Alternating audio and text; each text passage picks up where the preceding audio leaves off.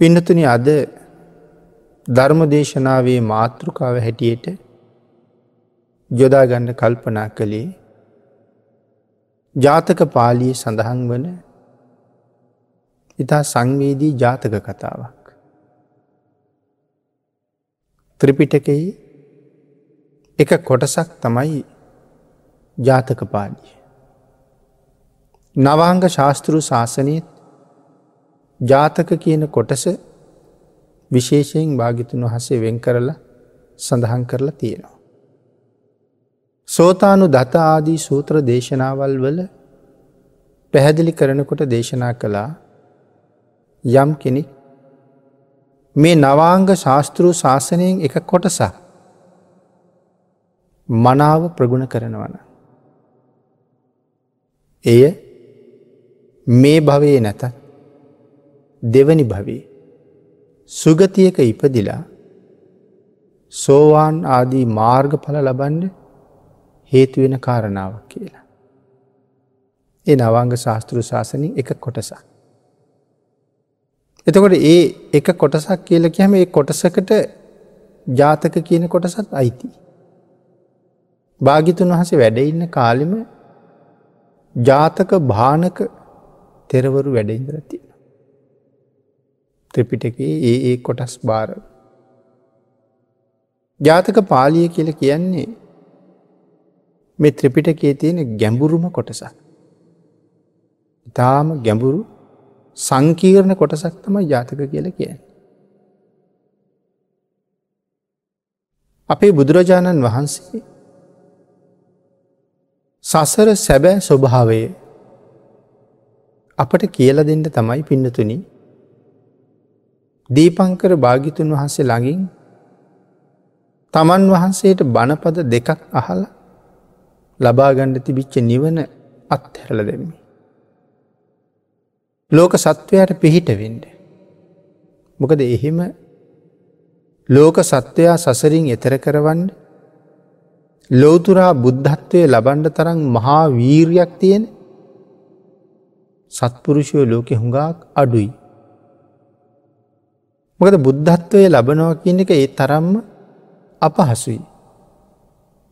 බුදුවරු ලෝකයේ පරම දුර්ල බයි. සමහර වෙලාවට බුද්ධ ශූන්‍ය කල්ප අසංක්‍ය ගණන්ගේ වෙනවා. බුදුවරු නෑ. මේ මහාබද්‍ර කල්පයේ බුදුරජාණන් වහන්සේලා පස්නමක් පහළ වෙනවා. අනාගති මෛත්‍රී සම්මා සම්බුදුරජාණන් වහන්සේ පහළවීමට නියමිතයි. නමුත් ධර්මය හැටියට මෛත්‍රී භාගිතුන් වහසකින් පස්සේ. නැවත මහාකල් පසංකෙය. බුද්ධ ශූන්‍යයි කළ සඳහන් කර. පිනතිරි මහාකල් පසංකෙයක් කියන එක අපිට තේරෙන්නෙවත් නෑ.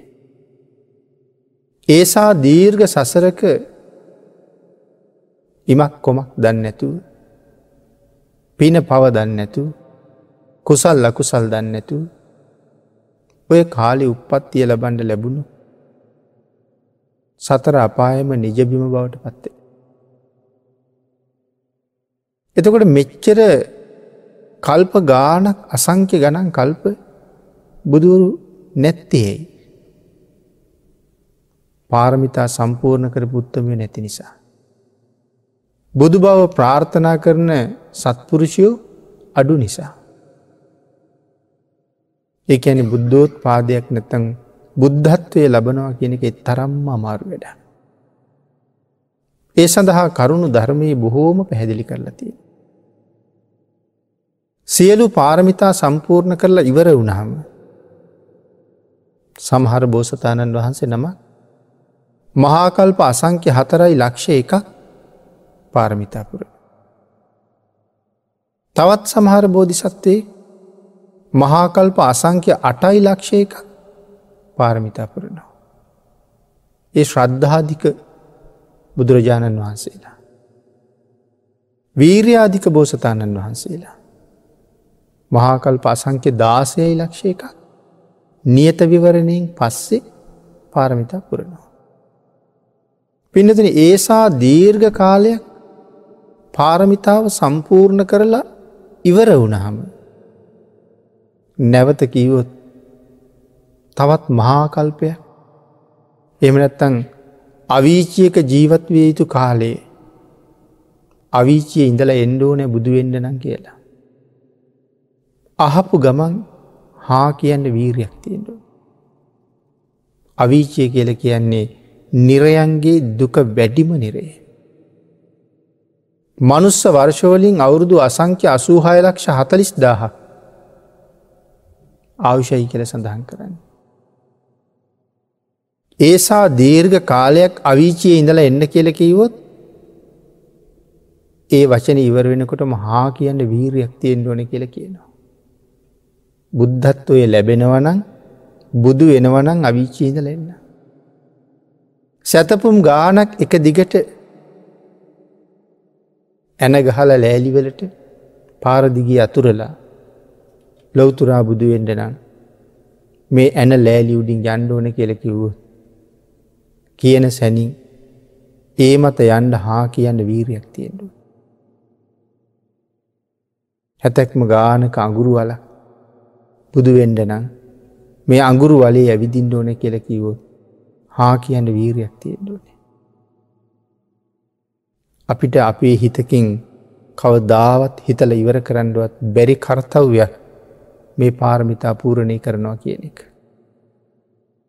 සමහර දන්දුන්න මහ රජවරු ඒ අයට බුද්ධත්වය ලබන්න කියලා ආරාධනා කළා. බුදු බව ප්‍රාර්ථනා කරන්න කියලා. නමුත් සඳහන් කලා අන්සිියල්ල කරන්න පුළුවන් දරුවෝ දන්දෙන්ට බැරිහින්ද බුදු බව ප්‍රාර්ථනා කරන්නේ කියලා. එක තරම්ම සංවීදී වැඩ. ඉතාම ලෙංගත් ඉතාම කීකරු දරුව. ඒ දන්දුන්න කියල කීවට තමන්ට එපා නිසා දුන්න නෙමෙයි. ඉතාමත්ම කීකරු. ඉතාමත්ම ලෙංගත්තුයි. එහෙම අය දන්දීලතිය. අපේ බුදුරජාණන් වහන්සේ සඳහන් කරනවා. දාන පාරමිතාව සම්පූර්ණ කරන කාලේ. මේ ලොවතුරා බුද්ධත්වය වෙනුවෙන් මේ සංසාරි කොච්චර දරුවම දන්දුන්නද. ඒ දරුවන්ගේ අත් දෙක ගැටගහපු වැල් ටික කපල එකතු කලා නං මහමේරු පරෝතයට වඩා උසයි කියලා.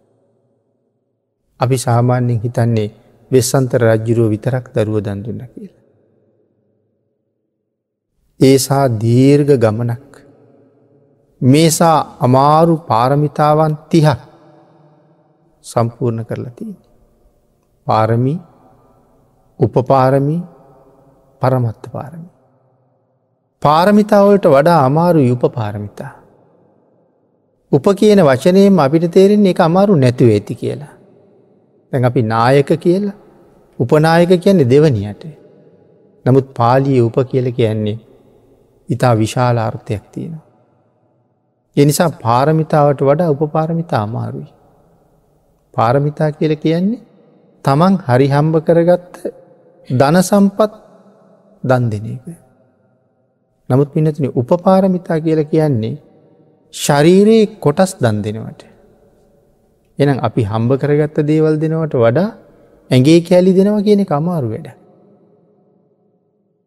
අපේ තන්හාාව ඇගේ කොටස්වලට වැඩි. ධනයට වඩා ඇගේ කොටස්වලට තන්නාව වැඩි.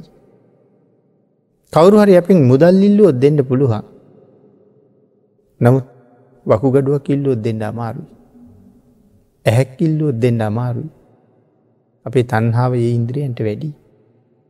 අපි හොයාගත්ත සල්ලි අතපයවිනියෙන් ඕන තරම් වියදන් කරනවා. අතේ අමාරුවක් පයේ අමාරුවක් තිබුණොත් ලක්ෂ ගණන් කෝටි ගණන් හරි වේදන් කරනවා කකුල සනිප කරගන්න. එතකොට මුදල්ලෝට වඩා වටින්නේ ඒ ශරීර අංග. හැබැයි ඒ අංගෝල්ට වඩා වටිනෝ ජීවිතයේ. යම් දවසක වෛද්‍යවරය කිවොත් දැන් කකුල කපල අයින් කළේ නැත්තං ජීවිතයට හානි වෙනවගේ එදාට කකුල කපන්ඩ කැම. එන ධනයට වඩා අංගවලට කැමති අංගවලට වඩා ජීවිතයට කැමති. එනම් පාරමිතා කියන්නේ ධනය දන් දෙනවා. උපපාරමිතා කියල කියන්නේ ශරීර කොටස් දන් දෙනවා. පරමත්ත පාරමිතා කියන ජීවිතයම දන්න. එතකොට එහෙම පාරමිතා තිහක් සම්පූර්ණ කරන්න ඕන දහයි දහයි. එහෙම කරලා තමයි ලොවතුරා බුද්ධත්වය ගාවටෙන්නේ. අපේ බුදුරජාණන් වහන්සේ මහාකල්ප අසංක්‍ය හතරයි ලක්ෂ එකක් තමයි නියත විවරණයෙන් පස්සේ පාරමිතා පිවී. ඒකන අපේ බුදුරජාණන් වහන්සේ ප්‍රඥ්ඥාධික බුදු කෙනෙක්. ප්‍රඥ්ඥාවෙන් අධිකයි. ශ්‍රද්ධාවෙන් අධික බෝසත්වරු මහාකල් පසංකි අටක්. වීරයෙන් අධික බෝසත්වරු මහාකල් පසංකි දාසය. නවත් පිඩතුන පුදුම වීරයක් තියෙන්. ආං ඒ නිසා සඳහන් කරනවා ඒ වීර්ය අධික බෝසතාණන් වහන්සේ දන්නවනං මම මහාකල්ප අසංක්‍ය දාසයයි ලක්ෂ එකකින් කරන වැඩේ ප්‍රඥාවෙන් අධික බෝසතාණන් වහන්සේ මහාකල්ප අසංක්‍ය හතරයි ලක්ෂයකින් කරන්නේ කොහොමද කියලා. ඒ කරන හැටි දන්නවන අනිවාර්යෙන්ම තමන් මහාකල්ප අසංක්‍ය දාසයයි ලක්ෂයකින් කරන වැඩේ මහාකල්ප අසංක්‍ය හතරින් කරනවා කියලා. ඒගැන ප්‍රඥාධික බෝධිසත්වයෙක් පාරමිතා සම්පූර්ණ කරන හැටි වෙන බෝසතාණන් වහන්සේ නමකටවත් තේරෙන්නවත් නෑ කියල කියන්න. ඉති අපේ භාගිතුන් වහන්සේ එතකොට ප්‍රඥාධිකයි. පිනතන මේ දීපංකර භාගිතුන් වහස ළඟ තමන්ගේ නිවන අත්හරිනකොට පංච අභිග්ඥා අෂ්ට සමාපත්තිලාබී සුමේද තාපසතුමා අනාගත ආත්ම දස් ගණන් තමන්ගේ අභිග්ඥාවෙන් දකිනවා. අද නිවන අත්තැරිය හම මන් සංසාරි කොයි තරං දුක්විඳිනවද බුදු වෙනකා. ඒ ආත්ම දැක දැක තමයි නිවනත් හරින්. ලෝක සත්වයට එත් තරම් අනුකම්පාව. ලෝක සත්වයා කෙරෙහි තිබුච්ච ඒ මහා අනුකම්පාව මනාව ප්‍රදර්ශනය කරන එක ජාතක කතාවක් මේ මහා චද්දන්ත ජාතකය. පිනතුන මේවාගේ බෝධිසත්ව චරිතය අහනකොට තමයි හිත්තුල ශ්‍රද්ධාව උපදින්නේ. එතකොට තමයි හිතෙන්නේ අපි වෙනුවෙන් මෙච්චර දුක්විඳල තියෙනකොට අපි මොනවද මේ කරන්න කියලා. ඒ කාරණාව හිතින් හිතල ශ්‍රද්ධාව උපදවල තව තව වැඩි වැඩියෙන් භාග්‍යතුන් වහසිරි කීකරුවෙච්ච ශ්‍රාවක පිරිසක් නිර්මාණය කරවන්ඩ මේ උතුම් ජාතක කතාව අද ධර්ම මාතෘකාව කරගන්න කල්පනා කළා. අපේ බුදුරජාණන් වහන්සේ සැවැත්නුවර ජේතවනාරාම වැඩඉන්න කාලෙ තමයි මේ මහා චද්දන්ත ජාතක කතාව දේශනා කොට වදාලි. ජාතක කතාව දේශනා කරන්න හේතුවන කාරණාව. එක දවසක් භාගිතුන් වහසේ ධර්ම දේශනා කරන වෙලාවි ධර්මශ්‍රවනය කරන්න භික්‍ෂුණීන් වහන්සල පිරිසක් එතෙන්ට වැඩම කළා. එතන හිටියා ගිහි ගෙදර පිළිබඳව කලකිරිලා. ගිහි කම්කටුලෝල තියෙන දුක දැකලා. ලාබාල තරුණ වයසේ පැවිදි වෙච්ච භික්‍ෂුණිය. භාග්‍යතුන් වහන්සේ ඉතා උතුම් වූ අලංකාර ධර්මාසනී වැඩඉන්නවා දැකළ ඇයට ඇතිවුණේ පුදුමාකාර සතුටක්. සසර කරපු අපමණ පුුණ්‍ය මහිමේ නිසා ස්වර්ණ වර්ණයෙන් බැබලෙන් ෂඩ්වර්ණ රශ්මිය විහිදෙන බුදුරජාණන් වහසගේ ශරීර ධාතුව දැකළ පුදුමාකාර ප්‍රීතියක් ඇති වුණා. භාගිතුන් වහසගේ රූප ස්වභාවය අපිට වර්ණනා කරලා ඉවර කරන්න බෑ පින්නතිනි කවදාව. එත් තරම් අලංකාර රූපයක්. මේ ලෝකෙ බුදුරජාණන් වහන්සේට වඩා ලස්සන දෙවියෙක්වත් බ්‍රහ්මයෙක්වත් නෑ. බ්‍රහ්මයන් අතරට භාගිතන් වහස වැඩිය හම ඒ බ්‍රහ්මයන්ගෙත් බ්‍රහ්මයෙක් වගේ භාගිතන් වහස පෙයි. එනිසාපි කියනවා බ්‍රහ්මාති බ්‍රහ්මයි කියන. දෙවියන් අතරට වැඩිය හම දෙවියන්ට දෙවියෙක්. එනිසා දේවාති දේවයි කියල කියනවා. සංයුත්ත නිකායේ කෝසල සංයුක්තකයේ බුදුරජාණන් වහන්සේ ගැන අපූරු වර්ණනාවක් තියෙනවා.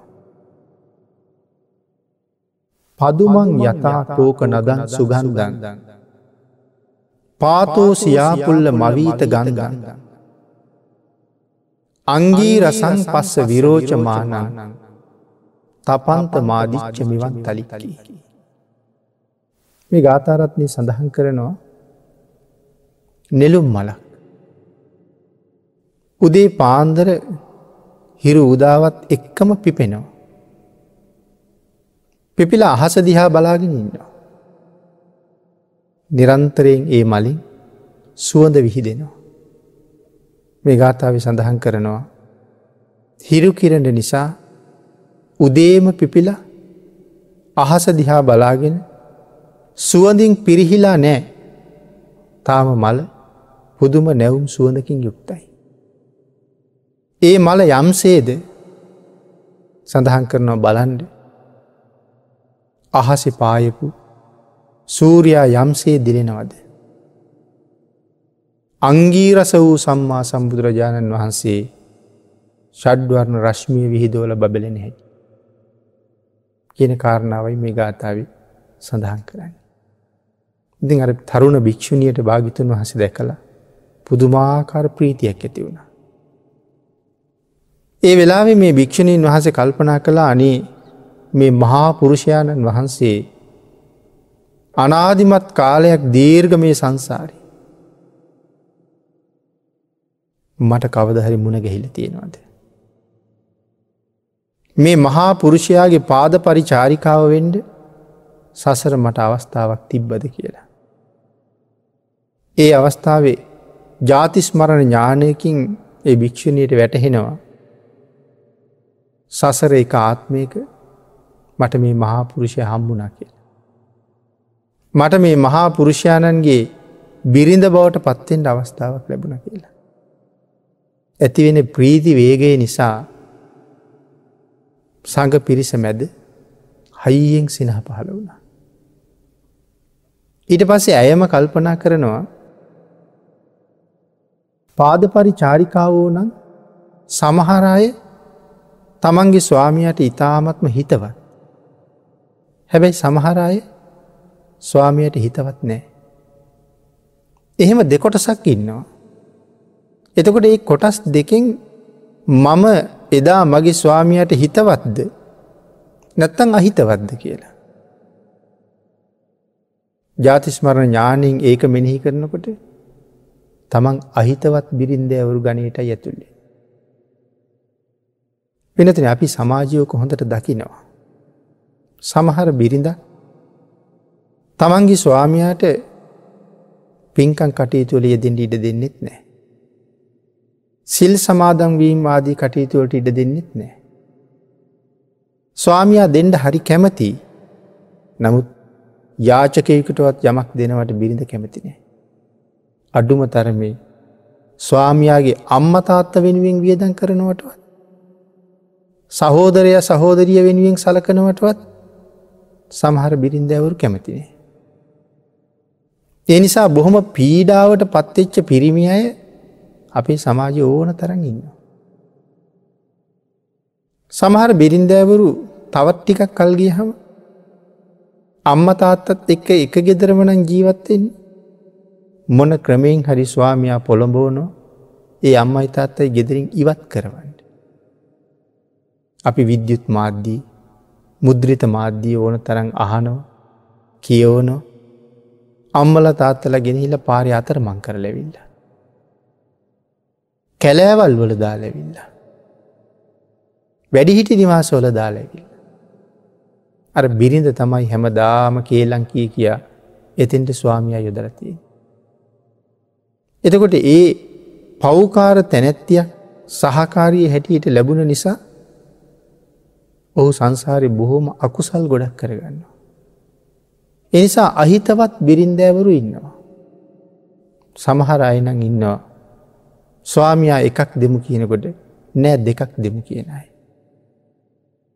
සමහරලාට ස්වාමියයා මව්පියෝ කෙරෙහි බලනවට වඩා ඇය නැන්දම්මට මාමඩ්ඩි සලකනවා. සමහර වැඩිහිටියෝ කියනවා මට හම්බෙලා ඉන්නේ ලේලි කෙනෙක් නෙමෙයි මගෙම දුවක් කියන. එහෙම තැනට අප ඇත් දකිනවා.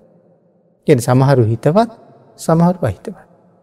සමහර බිරින් දෑවරු අන්‍ය සම්බන්ධතා ඇති කරගෙන තමන්ගේ ස්වාමයා සොර සැමියන් ලව්ව මරවන. ඒවා අතීතයත් තිබුණ අදත් ඒමම තිය. ඉති මේ භික්‍ෂුණිය කල්පනා කරනවා මමත් අහිතවත් කෙනෙ. එහෙම හිතිලා මොහොතකට කලින් සිනහ පහල කරපු තැනැත්තිය සඟ පිරිස මැද්දී. හයියෙන් පිටට ඇහෙන්ඩ ආශ්වාස ප්‍රශ්වාස කරනවා. දුක දරාගණ්ඩ පෙරුව. අයියෙන් හුස්මාරගෙන හුස්මාරගෙන කෑගහල ඇඩුවා. අපේ භාගිතුන් වහන්සේ ඇය මෙතෙක් වෙලා හිතන දේවල් භාගිතුන් වහසගේ මනසින් දකිනවා. ඇය හයියෙන් කෑගහල අන්නනකොට භාගිතුන් වහසට සිනහ පහළ වුණ. ඉදිරිය දිහා බලාගෙන භාගිතුන් වහසගේ මුවමටල දිහා බලාගෙන ඉන්න භික්‍ෂූන් වහන්සේලා බුදුරජාණන් වහසගෙන් අහනුව ස්වාමීනී සිනහ පහළ කරනවා දැක්. හේතුවමකක්ද කියන.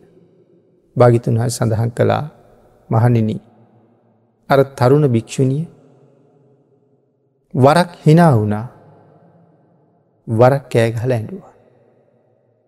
ඒක නිසා සිනහ පහල කලා කියලා. ස්වාමීනී එකට හේතුවමකක්ද.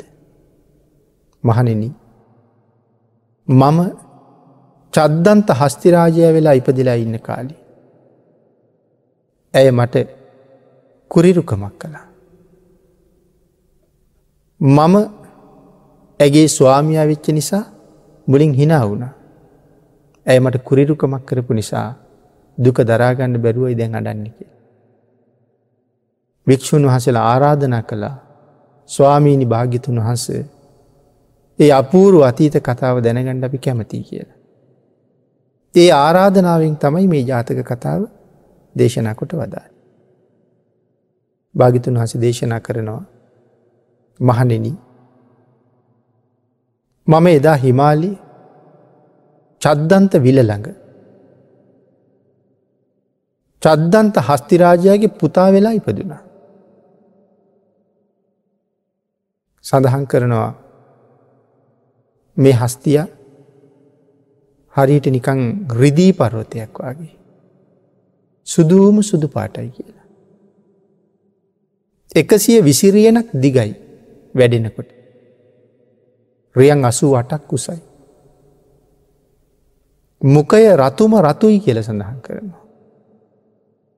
අතේ පයි පාදවල පතුලත් ඒ වගේම රතු පාටයි කියල සඳහන් කරනවා. හොඩවැල රිදී දං වැලක් වගේ රියන් පනස් අටක් දිගයි කියල සඳහන් කර. දල දෙක වැඩෙනකොට රියන් තිහක් විතර දිගයි. දලේ වට ප්‍රමාණය රියම් පහළොවක් කියල සඳහන්. මේ දල දෙකින් නිරන්තරයෙන් ෂඩ්වර්ණ රශ්මී විහිදිනවා. තරුණ වයසට ආවට පස්සේ චද්දන්ත රජ්ජුරුව තමන්ගේ පුතාට මේ හස්තීන්ගේ නායකත්වය බාරදුන්න. දැකතට පුතා තමයි රජු. මේ ඇත් රජ්ජුරුව ආරක්ෂා කරන්න චද්දන්ත ඇත්තු අට දාහකින්නවා. පිනතුන මේ චද්දන්තයෝ කියල කියන්නේ අහසිං තමයි ගමන් කර. එවන් ඇත්තු අටදාහක් මේ ඇත්රජුගේ ආරක්ෂාවට ඉන්නවා. මේ ඇත්රජුට ඉන්නවා බිරින්දෑවරු දෙන්නේ. එක්කෙනෙක් චූල සුබද්‍ර එක්කෙනෙක් මහා සුබද්‍ර. මේ ඇයි ජීවත්වෙන්නේ චද්දන්ත විල සමීපයේ තමයි ජීවත්තෙන්.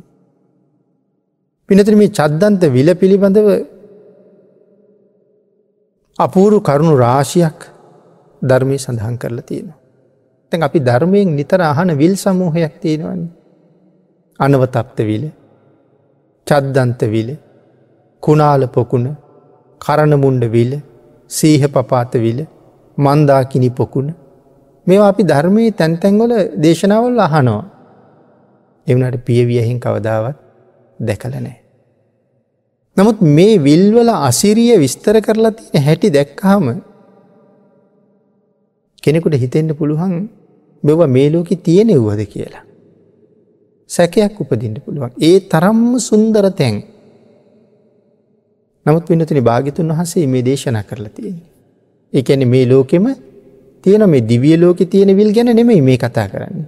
මනුස්ස ලෝක තියෙන විල් ගැන. එතුට අපි දකින්න ඇත්ති.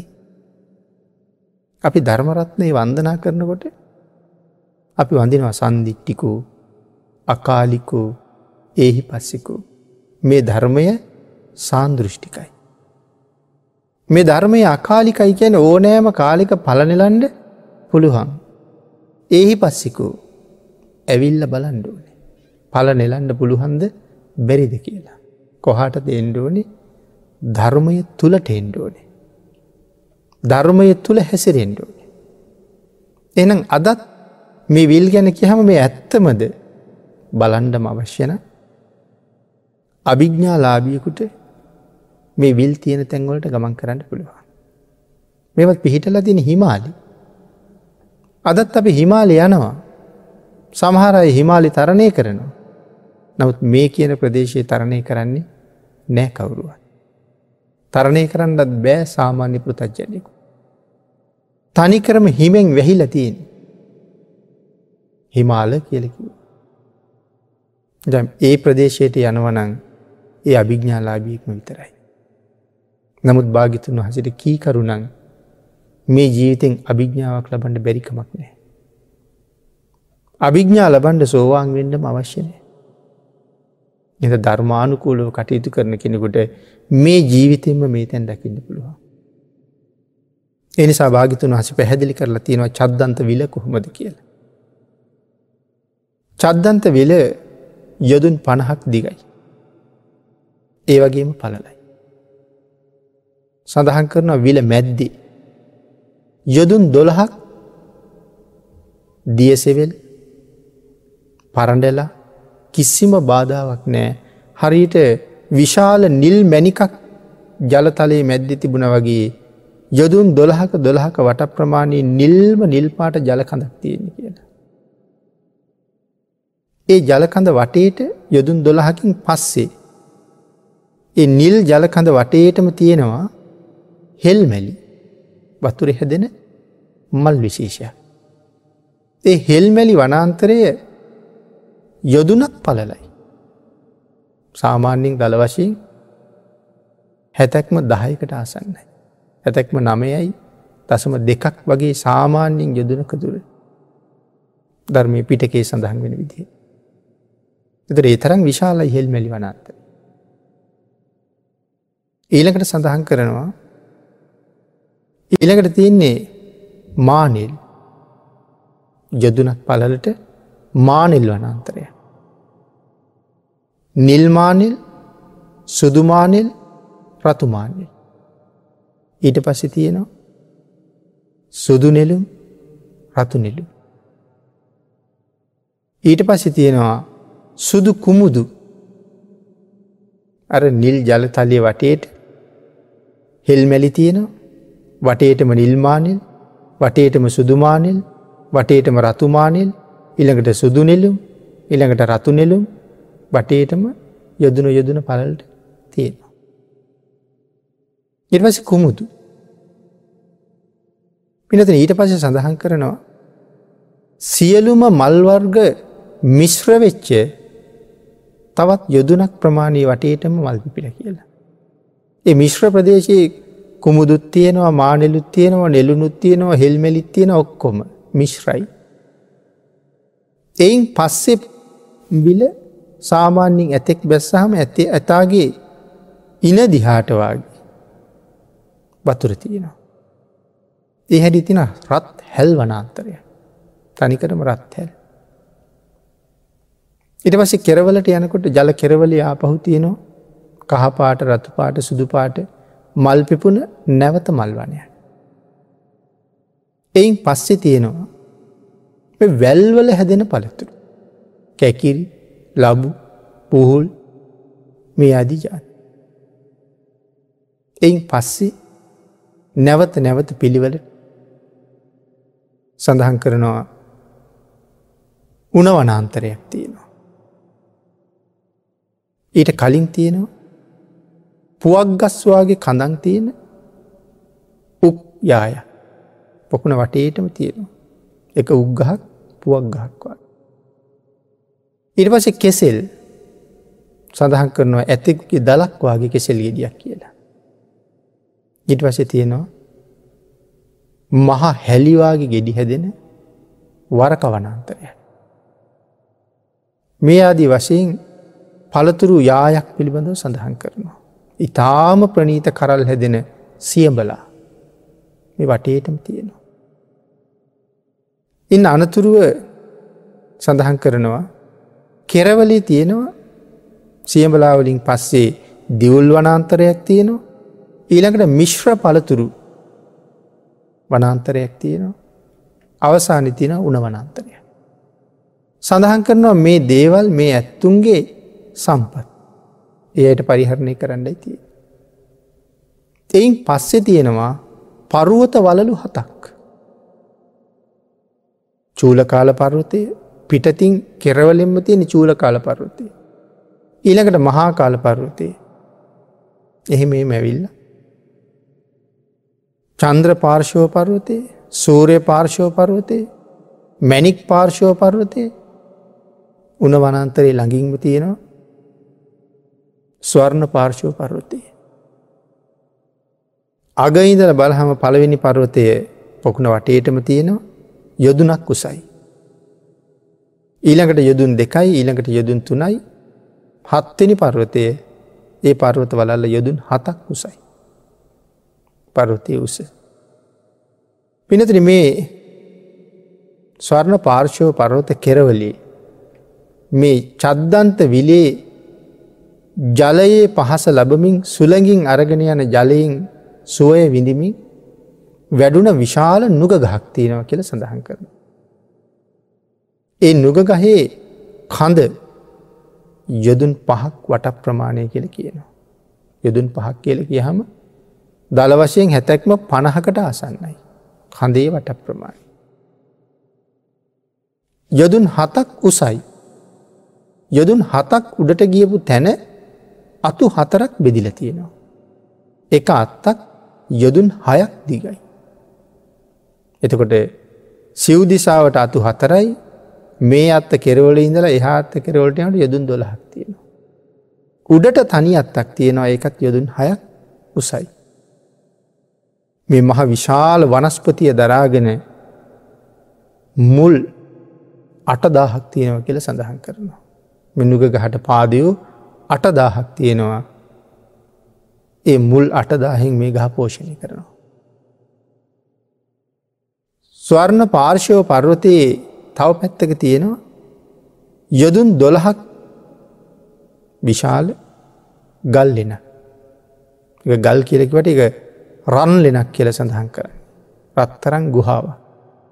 වැස්ස කාලෙට චද්දන්ත හස්ති රජ්ජිරුව තමන්ගේ සේනාවත් එක්ක ඉන්න මේ ලෙන ඇතුළි. ග්‍රේෂ්ම කාලෙට මේ මහ නුග ගහේ අතු අතර සැරිසරමින් ඉන්නවා. එක දවසක් හස්ති රජ්ජිරුවන්ට අහන්ඩ ලැබෙනවා අර පළතුරු උයන් මැද්දේ සල්වනයක් තියෙනවා. අපි ඒ ගැන සඳහන් කළේ නෑමලි. මේ සාල වනෝද්‍යානය ලස්සනට මල් පිපිල කියන. එයින්ද රජ්ජුරුවන්ට හිතෙනවා පිරිසත් එක්ක සල් වනීටය. සල් වනයට ගියහම බොහෝම හොඳට මල් පිපිච්ච විශාල සල්ගහක්ති. බිරින්දෑවරු දෙන්නකින් එක්කෙනෙක් මහා සුභද්‍රා. එයා මේ යටිහුළඟ පැත්තේ හිටිය. චූල සුබද්‍රා හුළන් ගහන පැත්තේ උඩු සුළඟට වෙලා හිටිය. හස්ති රජ්ජිරු මැද්දඉන්නවා. මහා හස්තියා ගිහිල්ලාර සල්ගහට හිසෙන් පාරක් ගහපු හම අර හුළඟත් එක්ක ගහේ තිබිච්ච වේලිච්ච කොලයි පරණ මැරිච්ච නටුයි ගහේ හිටපු දිමී හුළඟට ගිහිල්ල චූල සුබද්‍රාවගේ ඇඟට වැටුණ. ගහේ මලුයි මල්ලොල රේනුයි මල් පෙති හුළගේ අනි පැත්ත හිටපු මහා සුබද්‍රාවගේ ඇඟට වැටුණ. චූල සුබද්‍රාවට තරහගිය. ඇය කල්පනා කළා පේනවදම හස්තිය. තමන්ගේ ප්‍රිය වූ භාරියාවගයන්කට මල්පිති මල්රේනු මල් වැට්ටුවා. මගේයකට කොල නටු සහ දිමි වැට්ටුවා. හොඳයි මං ඕක බලාගන්නම් කියලා හිතේ තියගත්. නමුත් දැන්මේ අමනාපිට තරහට කරපු කාරණාවක් නෙමෙයි මේක. හුළඟින් තමයි මේටික ගී ඇඟට. අනිත් දවසේ නාන්ඩ ගියා චද්දන්ත විලෙන් තමයි නාන්නේ.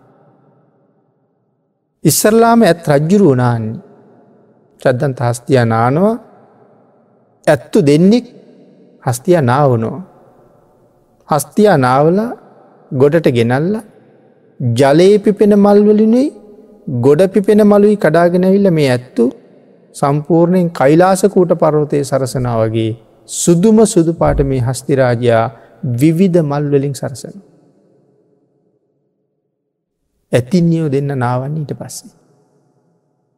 එක දවසක් හස්තියානාවල හස්තියා සරසල ඇතින්නියොත් නාවලා ගොඩට ගෙනල්ල ඒ අයත් සරසල එක ඇතෙක් අර විලේ සැරිසරනකොට විශාල නෙළුම් මලත් දැක්කා. ඒ මල කඩාගෙනැවිල්ලා බොහොම සතුටින් තමන්ග රජ්ජිරුවන්ට දුන්න. ලොකූ නෙළුම් මලක් ඒක හොඳින් අරගෙන තමන්ගේ හිසවුඩට මලේ තිබිච්ච රේණු ටික හලාගත්ත. පෙති සහිත ඉතුරු මල මහා සුබද්‍රාගේ හොඳට දුන්න. අර චූල සුබද්‍රාව ආයිත් වෛර බැන්ද. මේ මලත් තමන්ගේ ප්‍රිය වූ බිරිඳටම දුන්න. මටත් දෙන්න තිබුණන මට දුන්නේ. මේකින් පලිය ගන්නවා මයි කියල හිතුවා. වෙනතින මේ විලාවට මේ පර්වතවල පසේ බුදුරජාණන් වහසට පන්සීයක් වැඩඉන්නවා. ඒ චද්දන්ත හස්තියා බුදුරජාණන් වහන්සේලාට පුදුම ශ්‍රද්ධාවක් තියෙන්නේ. නිරන්තරයෙන් බුදුවරු දකිින්ට යනවා. උපස්ථාන කරනවා. දන් දෙනවා. එදත් දවසක්. මේ විලේ තියෙන ඉතාම රසවත් නෙළුම් අලයි පළතුරුයි පොක්කර මදුයි අරගෙන යනවා පූජ කරන්නට පොක්කර මදු කියල කියන්නේ. පොක්කර මදු කියල කියන්නේ මෙලෝක තියෙන රසවත්ම පැණි. කුඩාමීවල පැණි කියලත් කියනවා. නද මේ කුඩාමී කියල කියන්නේ. සමහර වෙලාවට ඔබ දැකල ඇති ඔය ගස්වල අතුවල බඳින මීයක් තියෙනවා. අපි යෝකට කියන්නේ දඩුවල් බෑය කියලා. ආගේ දඩුවැල්ල පැණිවලට තමයි කියලා කියන්නේ කුඩාමී පැණි කියලා. එමනතම් පොක්කර මදු කියලා. අපි අර හුඹහෙන් බෙනින් අරගන්න මී පැණිවලට වඩා ඉතාම රසයි කියල කියනවා ඒ පෙන්. එඳ මේ ඒ පොක්කර මදුයි නෙළුම් අලයි පළතුරු යරගෙන පූජ කරන්න. චූල සුබද්‍රාත් එද ඇත්තු ඔක්කොම යනවා එයාට ලැබුණ ලොකු කුඩා පළතුරුත් අරගෙන ගිහිල්ල පසේ බුදුරජාණන් වහන්සේට පූජ කරලා ප්‍රාර්ථනාවක් කරනවා. පූජාවිවරෙලා ප්‍රාර්ථනාවක් කර. මේ දානය පූජා කරපු පිනෙන් මම ඉක්මනට මේ ආත්මෙන් නිදහස් වෙන්ඩුවනේ. මදුරට රජ්ජිරුවන්ගේ අගමෙහිසියගේ කුසේ පිළිසිඳ ගණ්ඩුවන. තරුණ වයසට ඇවිල්ලා කසීරටේ රජ්ජිරුවන්ගේ බිරිඳ බවට පත්තෙන්ටුවන. ඒ බිරිඳ වුණාට පස්සේ කසී රජ්ජිරුවන්ගේ හිත දිනාගෙන රජ්ජුරුව රවට්ටගෙන මේ හස්තියා මරන්ටුවනේ. ඒක තමයි ප්‍රාර්ථනාව. පිනතින පිනක් කරලා ප්‍රාර්ථනාවක් කරහම. ඒක හොඳ වේවා නරක වේවා විපක්ක දෙනවා. ප්‍රාර්ථනාව කරන්නේ මමනි. පසේ බුදුරජාණන් වහන්සේල වගේ මහා උතුම් සිල් කඳන් උදෙසා දන්දීල. ලබාගත්ත උතුම් පින මට මෙහෙම විපාක දෙන්න ඕන කියලා. මිත්‍යා දෘෂ්ටික ප්‍රාර්ථනා. තමන්ට හොඳක් වෙන ප්‍රාර්ථනා නෙමේ තමන්ට නරකක් වෙන ප්‍රාර්ථනා. අපි පිනතු නහලදිනේ ස්වර්ණ තිලක ගැන හෙම. ස්වර්ණ තිලකත්මකද ප්‍රාර්ථනා කළේ. ප්‍රාර්ථනා ගණනාවක් කළා අවසානි ප්‍රාර්ථනා කළා මේ පිනෙන් මට ඉතාම ලස්සන රැස් විහිදෙන රූපයක් ලැබෙන්ඩුවනේ. මම දකින දකින හැම පිරිමි කෙනෙකුටම පිස්සු හැදෙන්ඩ ඕන කියලා. එතමයි අවසාන ප්‍රාර්ථනාව. ඉති ඒකම වුණා. අන්තිමට පිරිමි කට්ටිය තීරණය කලා මේක අපිට මහ විනාසය කට්ටියම එකතු වෙලා සාරණ තිලකව ගහල මැරුවා. එනැත්තන් විනාස වෙනවා පටි සමාජ. අනාතපේ සින්ඩික සිටතුමාගේ ඥාතියෙක් හිටිය. එයත් පින්කං කරලා මේවාගේ මිත්‍යා ප්‍රාර්ථනාවක් කරලා තිබ්බා. ඒ ප්‍රාර්ථනාව තමයි මොනතරං සිල්වත් ගුණවත් කාන්තාවක් වනත් පතිවෘතාව කොහොම රකින කෙනෙක් නමුත් මම දැක්කහම මමත් සමඟ කායික ඇසුරක් පවත්වන්ඩ ඇයට සිත් පහල වෙන්න ඕනේ. පවුල් පදනම් විනාස වෙන්නක. රජ්ජුරුවන්ට කරන්න දෙයකුත් නෑ සිරිතුමාගේ ඥාතියෙක් නිසා අවවාද කරන වනවා. විසදිටු ප්‍රාර්ථනා. මේ ඇතින්නත් කරන්න එහෙම ප්‍රාර්ථනාව. සතරපායින් ගොඩයන්ඩ ලේසියෙන් බැරි ප්‍රාර්ථනාව. නමුත් අන්තිමට ඇයට භාගිතුන් වහන්සේගේම සරණයි. පිනතින ධර්ම දේශනාවට කාලයත් නිමා වෙලා නිසා. උතුම් වූ චද්දන්ත ජාතක කතාව මාතෘකා කරගෙන සිදු කරන මේ ධර්ම දේශනා මාලාවී. ඉදිරි ධර්ම දේශනාව තුළ ඉතුරු කාරණා ටික සාකච්ඡා කරන්න ඉඩතියා ගනිමින් අපි අදට දේශනාව නිමා කරමු